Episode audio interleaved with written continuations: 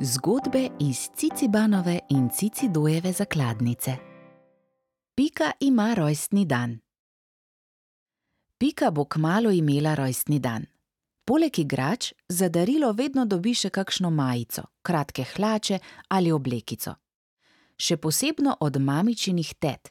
Mamica ima namreč veliko tet, Pika le eno. In ker mamičine tete še nimajo vnukov, razvajajo Piko in njenega bratca Lana. Težava je le, da mamičine tete očitno mislijo, da ima Pika zaradi svojega imena tudi na oblačilih rada pike. Zato ima polno omaro majic, oblekic, jopic in nogavic z velikimi in majhnimi pikami vseh barv. Pikčastih majic ima vsaj pet. Pika pa je že majčkeno sita pik. Res si ne želi še ene pikčaste majice. Želi si majico z dinozavrom, takšno, kot jo ima bratec Lan. Teta Helena, ki ni njena teta, ampak mamičina, Piko med klepetom po telefonu vpraša, kaj si želi za rojstni dan.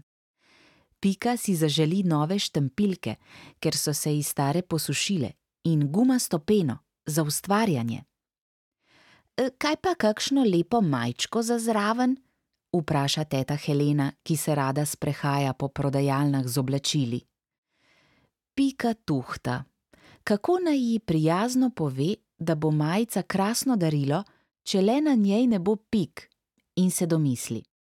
"E, Teta Helena, poznaš zgodbo o piku dinozavru? Ja, seveda jo poznam, Pika.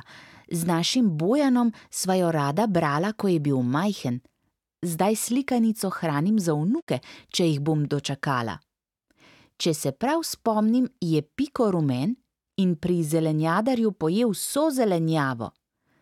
Prav se spomniš, teta Helena.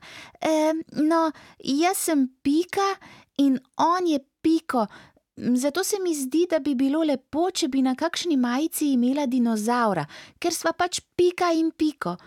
Drugih pik pa tokrat ne potrebujem na majici, ker so dinozavri radi glavni.